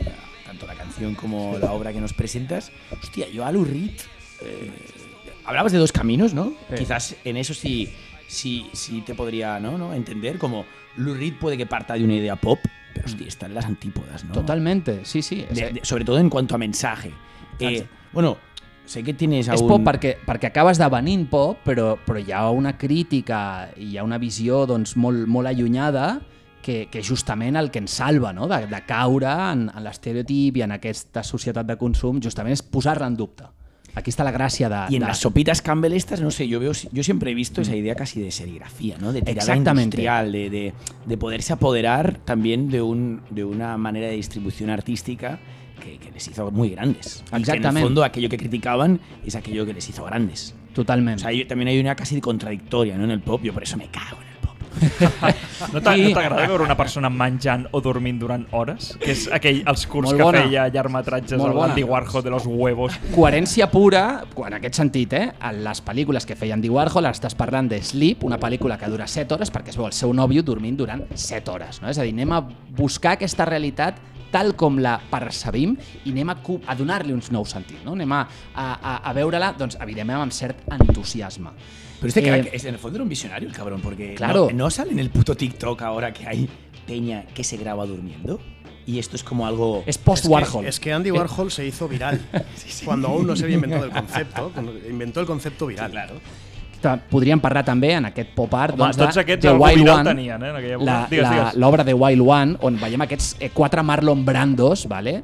eh, bueno, es diu així, Four Marlons, i veiem el cartell de Salvaje, la pel·lícula que diguéssim, diguéssim va catapultar a Brando com a icona sexual del segle XX. Vale? I també té aquest punt eh, de serialitzar, no? de, de, de donar-li un punt com de, de cadena d'industrial, però posant-ho en dubte. Mm? Clar, a part d'això, hem dit dos camins, ho hem dit fa un moment, pop i psicodèlia. En la psicodèlia, què trobaríem? Doncs tot el contrari. Trobem la fugida, trobem la distorsió, el rebutja aquesta realitat que, en, en, que, que celebrava el pop, modificant la nostra percepció com si ens haguéssim fotut un tripi. Evidentment, de tripi se'n fotia tothom allà, i de drogues, però diguéssim que aquí visualment tens més la sensació d'adoptar el punt de vista d'algú eh, que no percep la realitat com és, no? sinó des d'un estat alterat de consciència.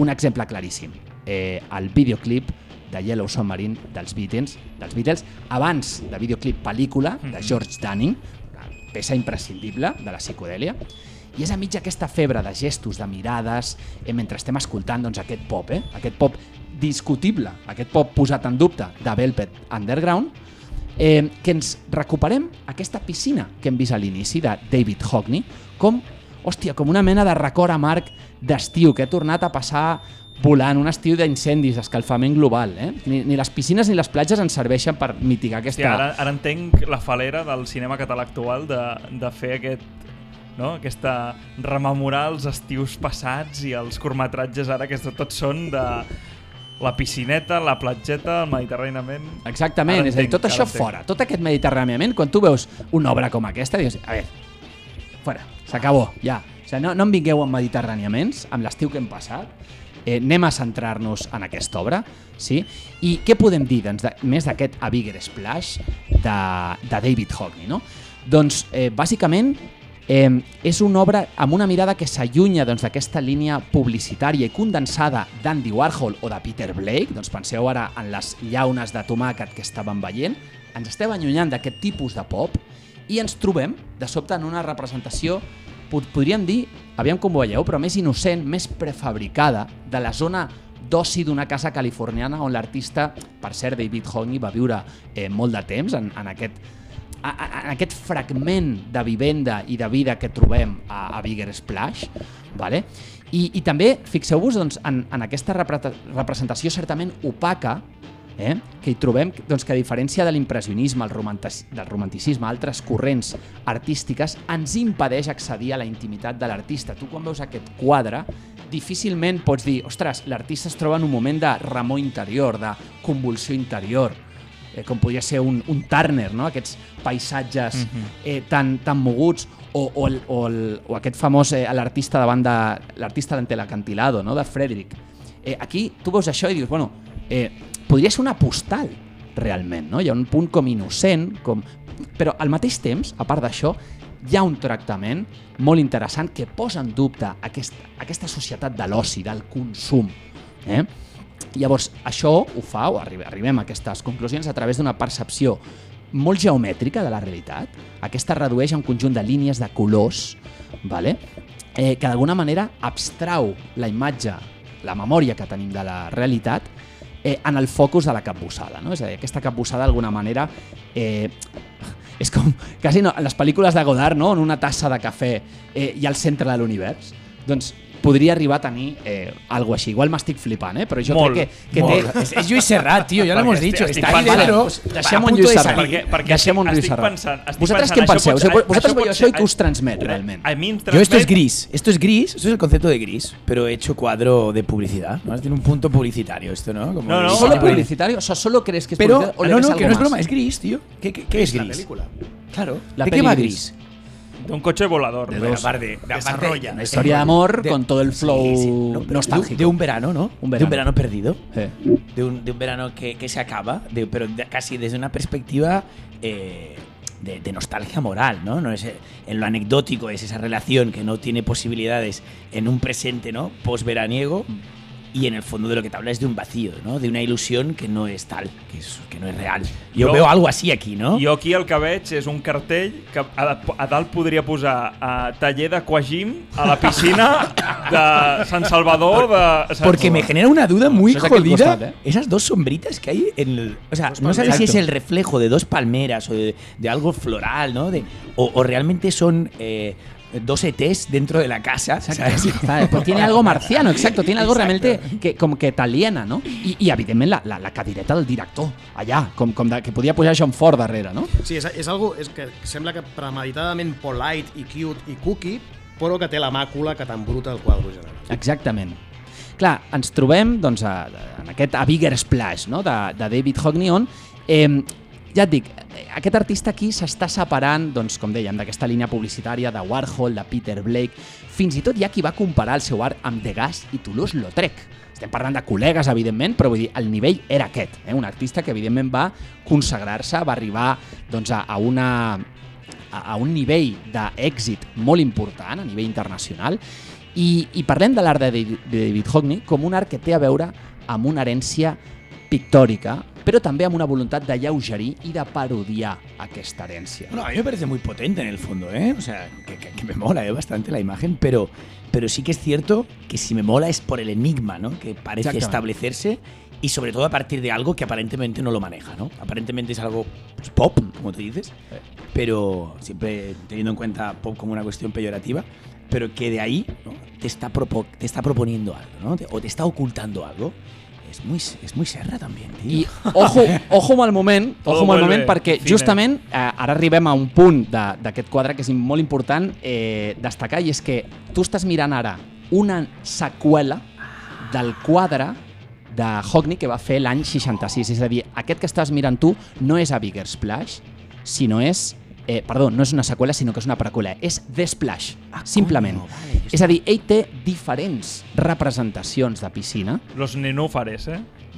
Los Nero. Total, Exactament, hi ha un total. punt, eh, en aquest sentit, Sí, hi ha un sí, punt sí. bastant impressionista. Monet tenia diferents eh, versions d'una muntanya que sempre pintava, doncs eh, David Hockney també s'obsessiona una mica, en aquest cas no amb una muntanya, sinó amb una piscina que, que diríem seria una mena de trilogia, perquè té The Splash, a Bigger Splash, a Little Splash. y siempre en su casa siempre en su piscina, entiendo. ¿no? Exactament.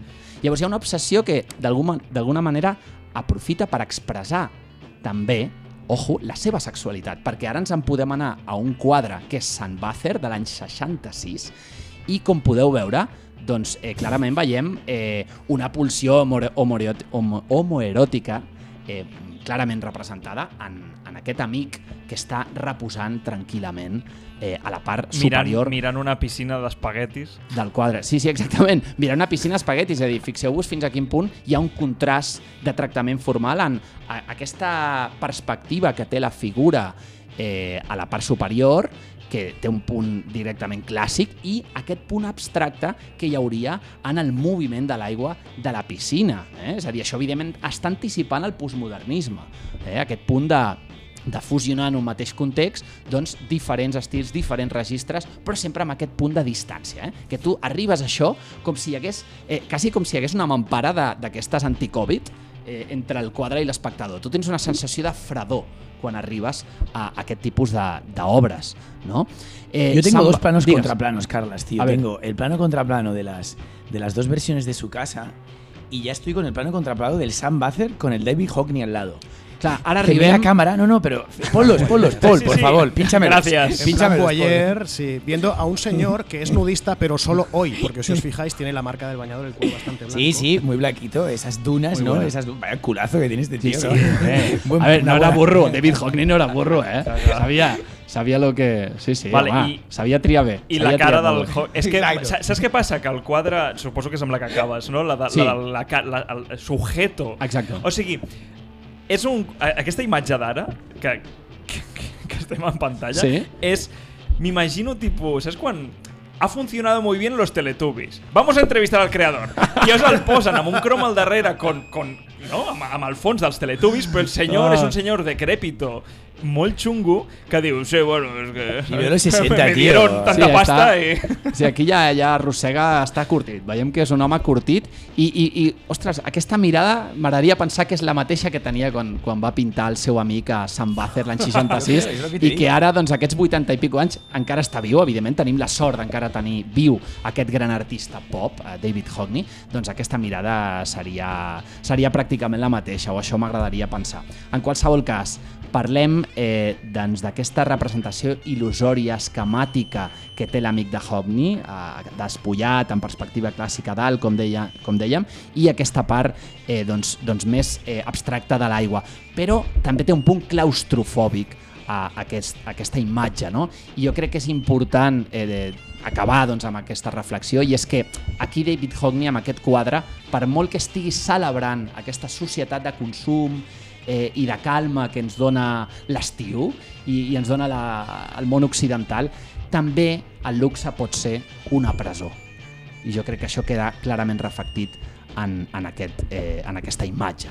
No? I amb això tanquem ja amb, amb, amb, amb, la, amb el Teletubi padre, eh? Sí, sí, amb aquest retrat eh, de, de, de Hockney com una mena de, de tio que Oye, ¿y li agraden bastant els colors. ¿Obras recientes tiene o ya es un tío Sí, ha seguit... que se ha abandonado a la No, piscina? no les he posat perquè no, no, Ara- no ens ara- les acabem, però sí que ha seguit eh, generant obres i el més interessant viatja molt entre els gèneres, entre els estils. És a dir, és una persona super tastaulletes amb l'art, que absorbeix la seva herència per reciclar-la i, i portar-se-la al seu terreny, que és una expressió que no m'agrada gens dir, però m'ha sortit i, i no, no puc evitar-ho. No? Eh, és un tio molt curiós i, i és, és, és, és un, un artista en, perill d'extinció, diria. Pero ha ha sido un cabrón, ¿eh? En el fondo he encontrado fotos de él donde, donde tiene mejor aspecto. ¿eh? O sea, ha sido hundirlo. Es el típico, no, te pongo la foto, te, lo, te lo dejo Yo- bien. yo lo veo entrañable. Yo veo Era este abuelito la idea y- de perill d'extinció. Jo creo, Le eh. quedan dos telediarios en esta foto. Y de delirio. No, I claramente. també perquè és, és un tipus d'art que s'ha explotat moltíssim, ha tingut molts refregits, però crec que és important saber d'on ve aquest pop art eh, que s'ha explotat tant. Bueno, y que de alguna manera también es, como lo has dicho muchas veces, ¿no? Es diferente en manos de Hockney. Bueno, pues ¿nos que... vamos a jugar un poco de, o qué? De Hockney a, a a, a ¿Nos juego. vamos a viciar o qué? Nos vamos a viciar. Venga. por corte guarrísimo, ¿eh? ¡Zasca! Videojocs.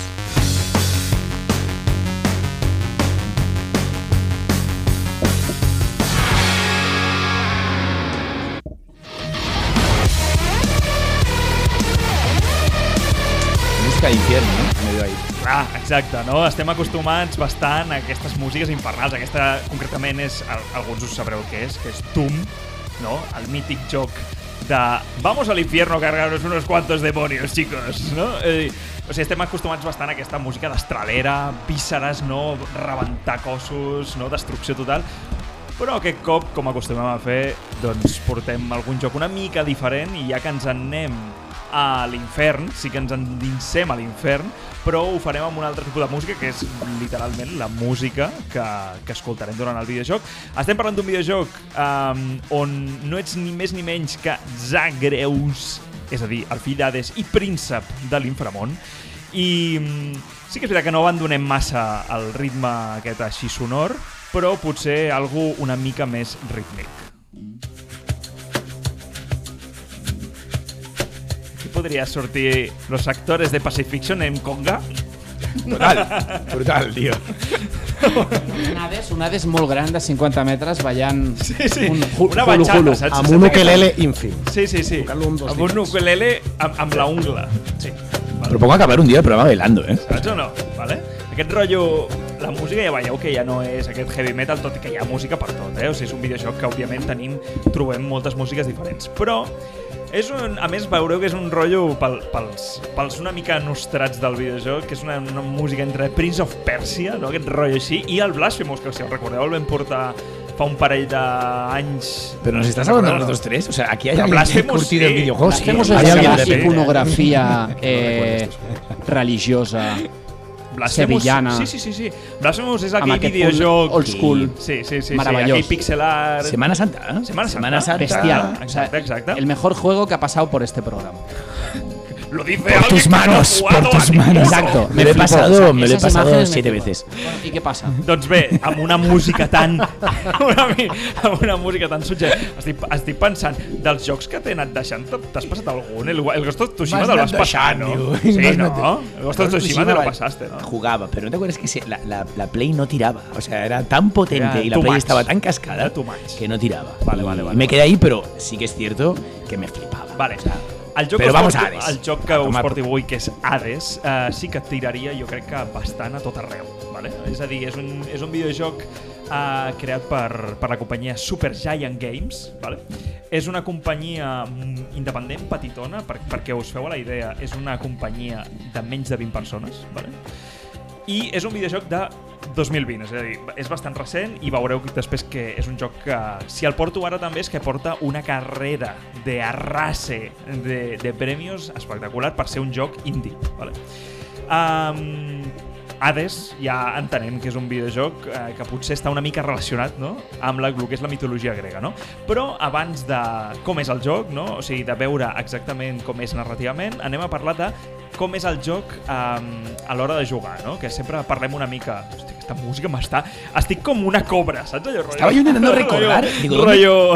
Age of O, Empires. o com, a, com a aquestes coses Bueno. que, de, de Nope, de la peli Nope, Sí, sí, que sí. són unes, com se deia, Claro, uns, uns, Ah, sí, sí, sí, exacte, exacte. Bueno, sí, sí, sí, és aquest rotllo, és aquest rotllo, la, el, els, els inflables aquests de, americans que posen, saps, que, que posen el, els, el, a les ventes de cotxes, no sé per què, no? Però és com ja, bueno... Estaba en pensando, ¿de dónde narices? Hemos visto un Hades en Disney, ¿no? En Hércules. Ah, en ¿verdad? Hércules, exacte, exacte, con exacte. mucho flow, tenía mucho flow ese Hades. Doncs bé, uh, endinsem-nos en el que és la jugabilitat de l'Hades, vale? L'Hades és un joc isomètric, sabem, no? Isomètric és que es veu una mica des de dalt, vale? No 100% de dalt, però amb un angle bastant des de dalt. Estem acostumats molt a, també als videojocs de tercera persona, primera persona, no? N'hem portat bastants ja. 2D, com el Blasphemous que estem dient, no? que el veus de costat, però en aquest cas és isomètric. No sé si em por... el, el Ferran tranquil·lament em corregirà, que ja ho sé que... Però no sé si hem arribat a portar algun Tenemos algun llamada de isomètric. Sí, de directo de Ferran. Esto es mentira, que yo... No, perquè potser va portar l'Hyper Light Drifter. Es como una un d'aquestes. Cenital en diagonal, ¿no? Un poco así. Sí, es como- Es como la cámara de, de la gasolinera cuando se cargan a la peña, ¿no? Siempre hay peleas en cuando, cuando te sale el link de uh, Wall Star Hip Hop que va movent-se i dius, ui, esto va, va haver sangre aquí en este vídeo. Vale? Doncs això és un joc isomètric i ara, segon terme, roguelite. Què és ro roguelite? Roguelite, vale?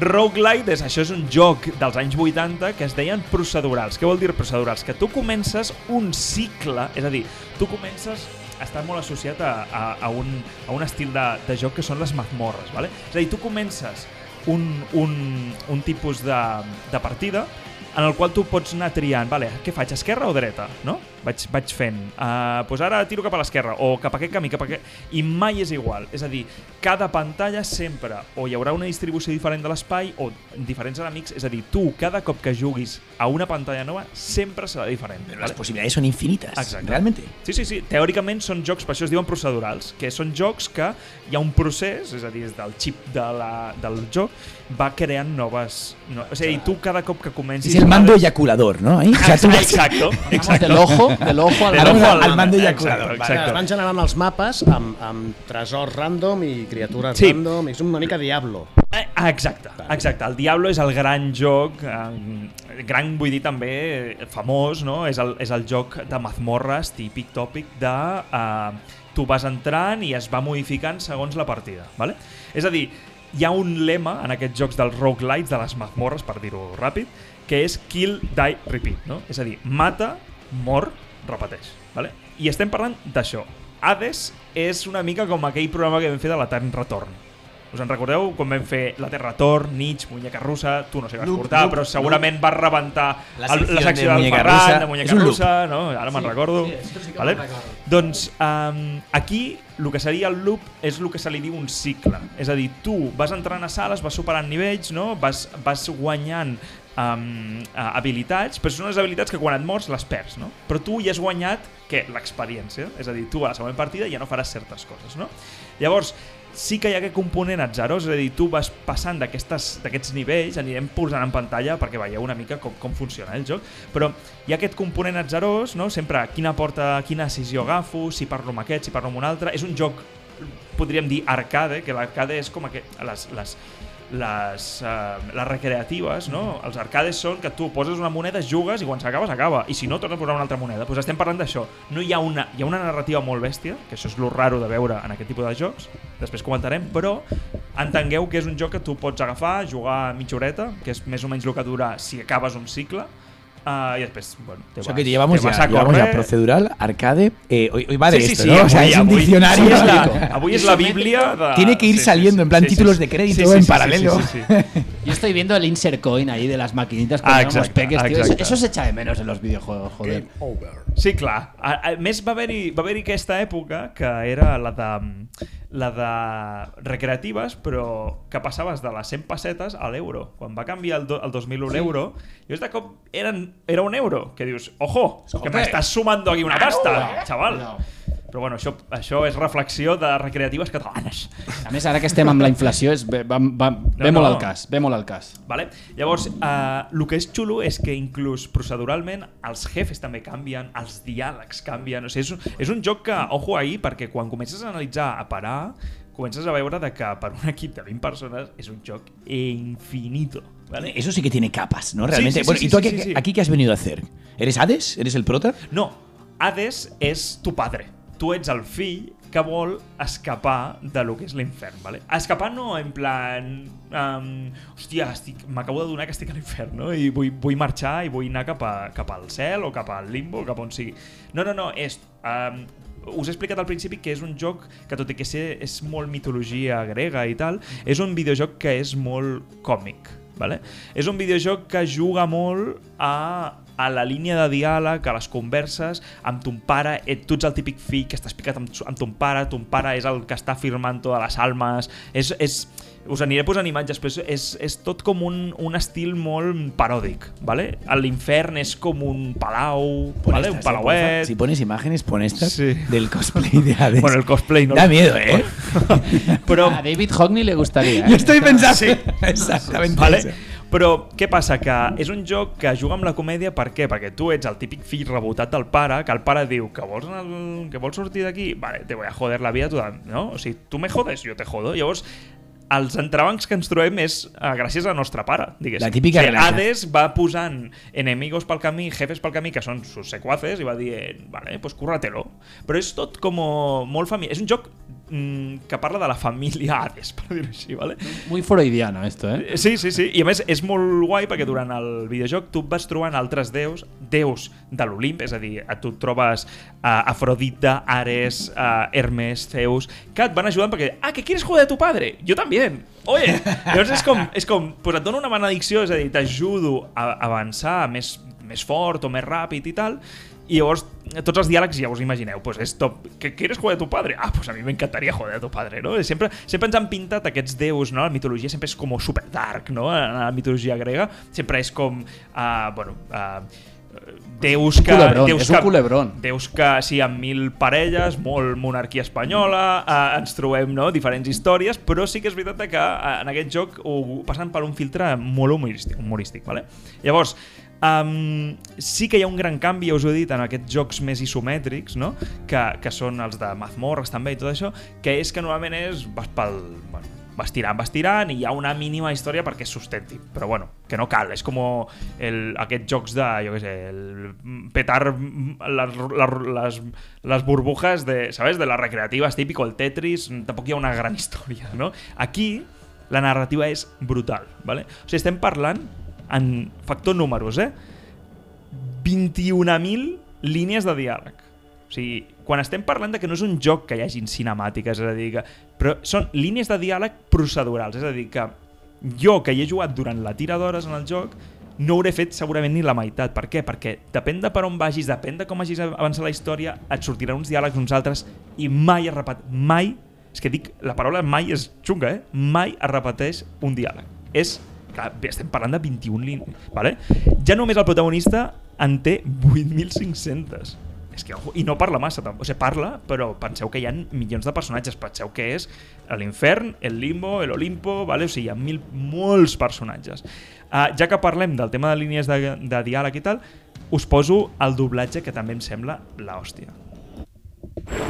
Few tales are told of Hades, whose very name inspires fear and penitence, reminding us of the inevitable fate which we all share. Let me see what I can do. Make life a little sweeter for you in the meantime. This one was bound to show up, I guess. In the name of Hades, Olympus, I accept this message. Well, this is awkward. Halt, Zagreus. Not one step further. Come on, Meg. Haven't we had more than enough of each other by now? Besides, don't you have someplace else to be? Oh, I'm not about to wrap my sources, pal. Just try and beat it out of me. Stupid boy. I told you nobody gets out of here, whether alive or dead. Bueno, aquest, aquest últim, òbviament, és Hades. Vale? Fa És tu papa. Hades, És- Hades, molta- Hades. he flipado, eh? Que en anglès es digui Hades. Heidi en plural. Hades, las Hades. Las Hades. El nombre de las Hades. Sí, sí, El sí. nuevo grupo de pop eh, madrileño, las Una Hades. mil línies de diàleg. no se la confondre amb les Hades. Però que estan... Oh, oh, oh, les, les Hades. Ja entraràs, Edgar, perquè aquí hi ha la broma el recurrent del senyor, de del senyor Hades. Harry Pussis. Mare Però un meva. moment, 21.000 línies de diàleg que són argentins.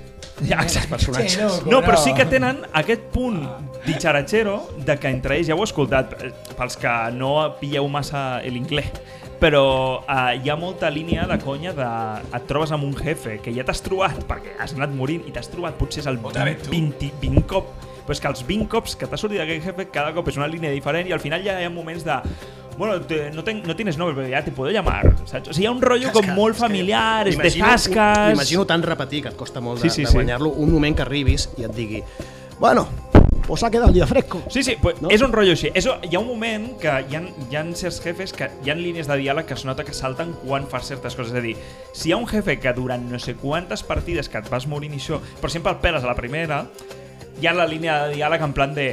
Bueno, vayan pasando, ¿sabes? En plan, va, vina, te cargo rápido y voy pasando porque ya sé que eso es, esto es fácil, ¿vale? O sea, no Sí. me extraña que lo compares con Muñeca Rusa. Tiene mucho Sí, sí, una sí, perspectiva clar. argumental de sí, Muñeca Rusa. Sí, sí, sí, sí, sí, sí.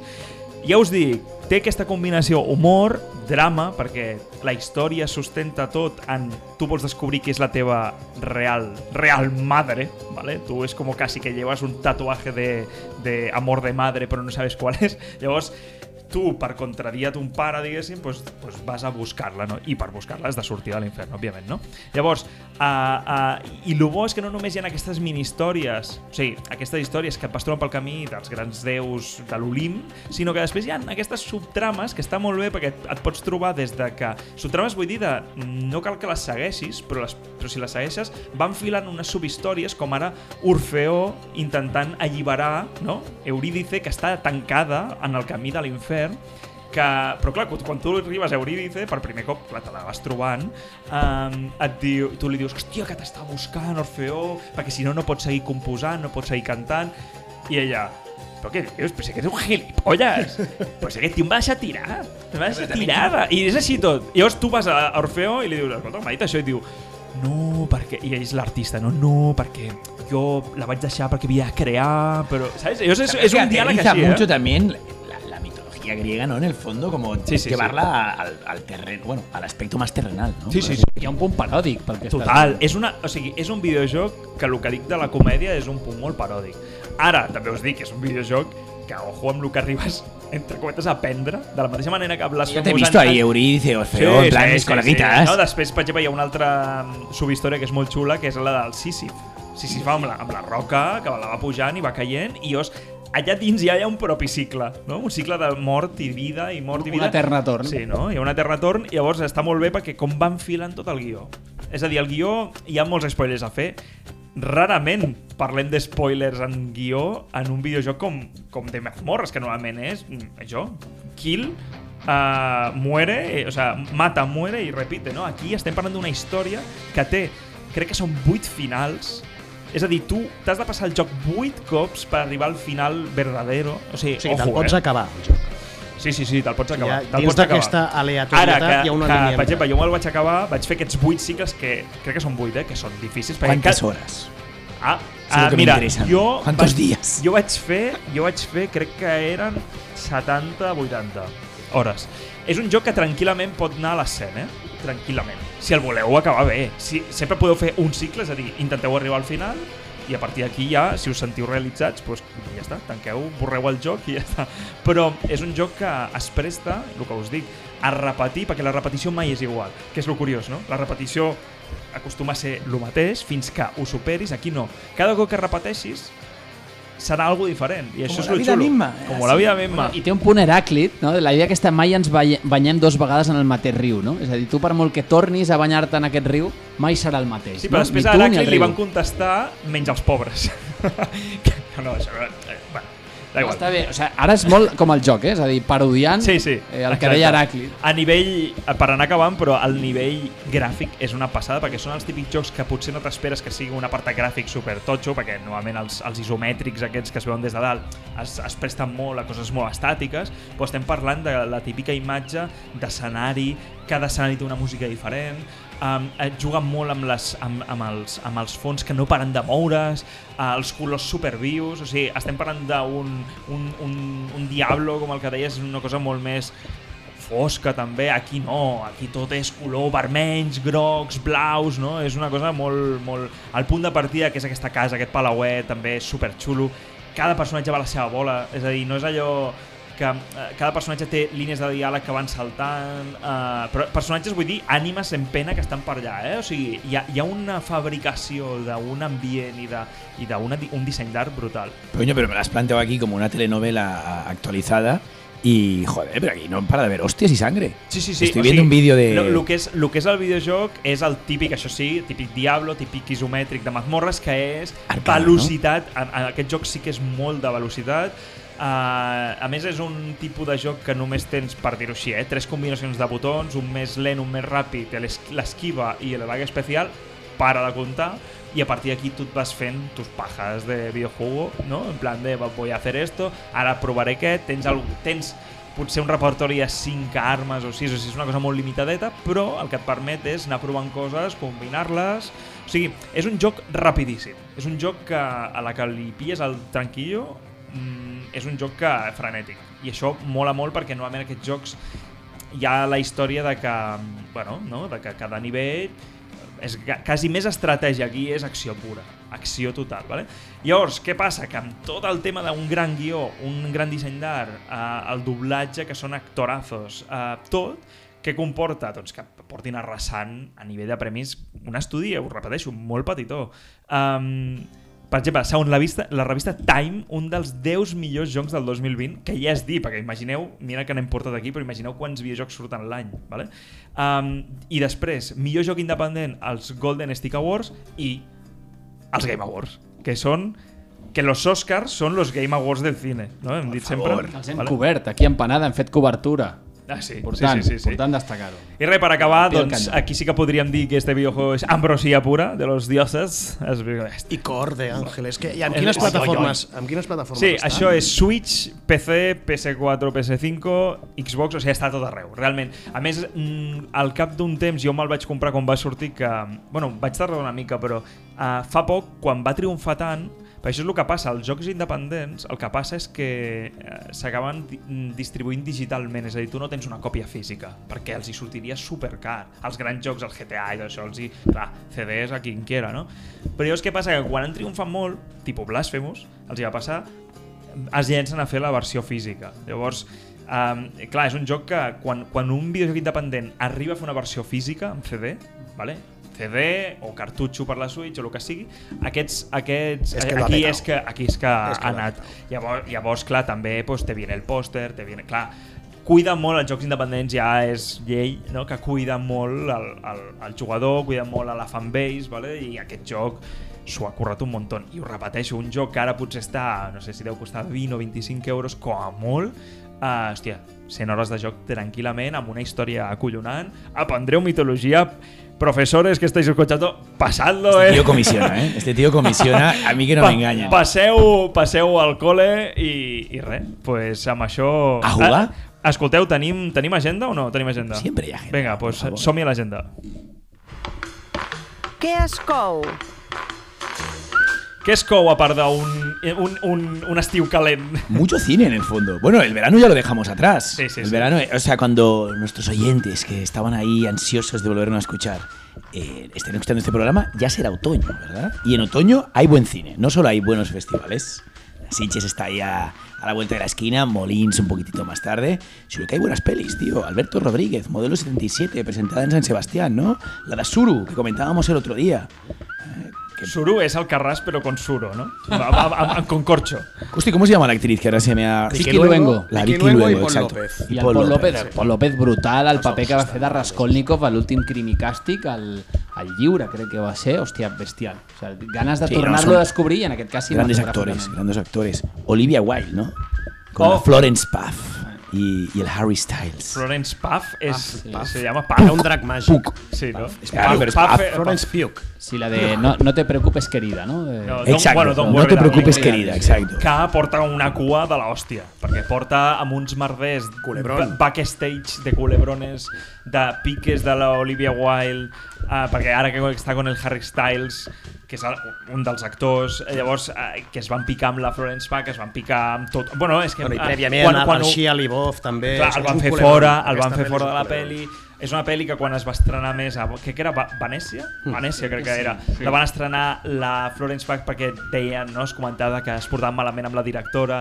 La, deia, no, Esto es no, promo, bien, esto en el fondo es promo, me cago Sí, però és que després la van destrossar. Quan va acabar la pel·li, la gent va dir... I l'escopinada, l'escopinada del Harry Harry Styles al que- Chris Pine. Sí. Que no era real. Bueno, en, en fin, lo que he oído últimamente es que no está tan mal.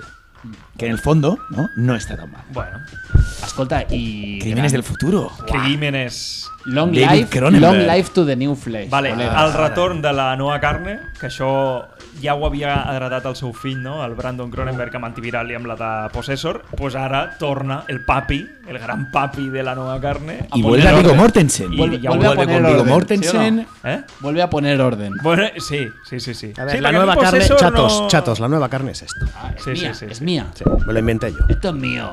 Bueno, aquí tenim la nova carne espanyola, que seria Pieles, eh? Seria Aquí Pieles, Hòstia, serien mira, ara els- que hablas els de- primers- de els cine primers espanyol curtmetratges i de. Jaume Balagueró, que per cert ara estrena Sitges Venus, comença el festival. Inaugura el festival. Inaugura. Eh, els seus orígens són Nueva Carne, aquell curtmetratge Alicia, que ara inclús es podia interpretar des de certa visió feminista, eh? però vull dir que tenia aquest punt de la, re la primera regla com una espècie de- d'ingreso en les tinieblas de, de la Nueva Carne, o sea, una cosa super marciana. Y Paco León, tíos. Estabais hablando de cine Buah, español. Aquesta, aquesta sí que l'han Paco León, destruït. Rainbow. Eh? L'han destruït. Sí o què? Sí, sí, sí, sí. Però és que no, però ningú ha donat una bona opinió. Crec que... Pues nada, no lo la- habéis la van oído. destrossar. No he A ni- sentit ni un gris. A nivell de cinema us, us, us plantejo un festival, nostrat també, que és el Sant Cugat Fantàstic, que es fa aquest cap de setmana del 23 al 25, vale? Ho dic també, si voleu venir, veureu un curt on surt l'Edgar, dirigit per mi també, que passen al nostre cura aquell de Working Class. I després en sèries ha començat per fi, perquè és, és, això sí que és intermitència, atzar i tot el que vulgueu, que és que ha tornat Rick and Morty. A HBO aquest cop, vale? Uh, aquella sèrie loquíssima, ciència-ficció, humor supernegre, humor histriònic, vale? És a dir, la teniu a HBO. Jo l'estic veient setmanalment, crec que van pel tercer ara mateix. És un i clàssic una ja. passada. Això és un clàssic Una ja. passada, és, un, és unes virgueries de guió, de muntatge, de ritme, és una passada. Escolta, i Expo, eh, còmic, tu la vas veure a Madrid, tinc sí, entès. aquesta, la Pinta de què? sueños e història, no sé si es deia així a Madrid, eh? mira què et dic, però suposo que sí. Però aquesta la vaig veure al Caixa Fòrum de Madrid, quan vaig anar aquest estiu, una passada, molt, molt xulo, eh, costa molt fer aquesta, aquest, aquest, aquest espectre de veure tot el, el món del còmic. Veus des de lo més underground, no toquen massa el fanzine, però bueno, toquen el tema més underground, el tema Marvel, DC, òbviament, però sí que us dic que ho vaig trobar a faltar, perquè hi ha Paco Roca, hi ha molt de talent espanyol, però vaig trobar a faltar el nostre gran comiquero barceloní que és Monteis, tio. Monteis no surt en cap moment que jo m'hi fixés, eh? I venir, vaig estar allà una hora i Madrid, pico. aquí sí, no? Aquí la ponen. Clar, no ho sé, no ho sé, però em va, vaig trobar a faltar un Monteis que ha treballat amb tot Déu. Passa, bé, és a Barcelona, eh? 29 de setembre, Caixa Fòrum de Barcelona, còmics, sueños e història. Allí estaremos. Podemos- Doncs... Bueno, chicos, un placer volveros a ver, volveros a ver. Y oye, Edgar, puta madre, ¿eh? Que vuelvas. No has, no has bebido birra, te han engañado, te has dado cuenta que era una puta público. No, Sí, jo m'ho he passat molt bé. M'ha quedat molt clar que, que, que Albert Serra era un senyor que pintava colorins isomètrics i no volia continuar amb l'empresa del pare. Exacte. Era això. Ah, no iba de esto? És això, No? és exactament això. És com a conclusió. Que, jo- que, que també serà interessant veure la família de l'Albert Serra, perquè potser el pare diu el meu fill fa merda, saps? Eso seguro. Seria bo, eh, saber-ho, això. De Pel següent Hockney. programa Què pensarien, Un dia portarem, què nanos. pensarien els pares de David Hockney? En fi. Bueno, Un besito. Uh, pel proper programa esperem ja estar a l'estudi, perquè aquí va haver una, una intercepció estranya, però tornarem a estar a l'estudi, tornarà a sonar bé, perquè sé que això a vegades ha sonat una mica d'estrany. Grinyola, eh? Aquest programa grinyolava. Però, uh, res, al proper programa encara no tenim, tenim temps. Más y mejor. siempre. Bueno, nueva carne, segurament algo podríem fer de nova carne, eh? Però, res, ens veiem quan sea, com En sempre. las ondas. Així que, I vigileu amb aquestes brases. fins eh? la propera. Vigileu. Hasta luego. adeu.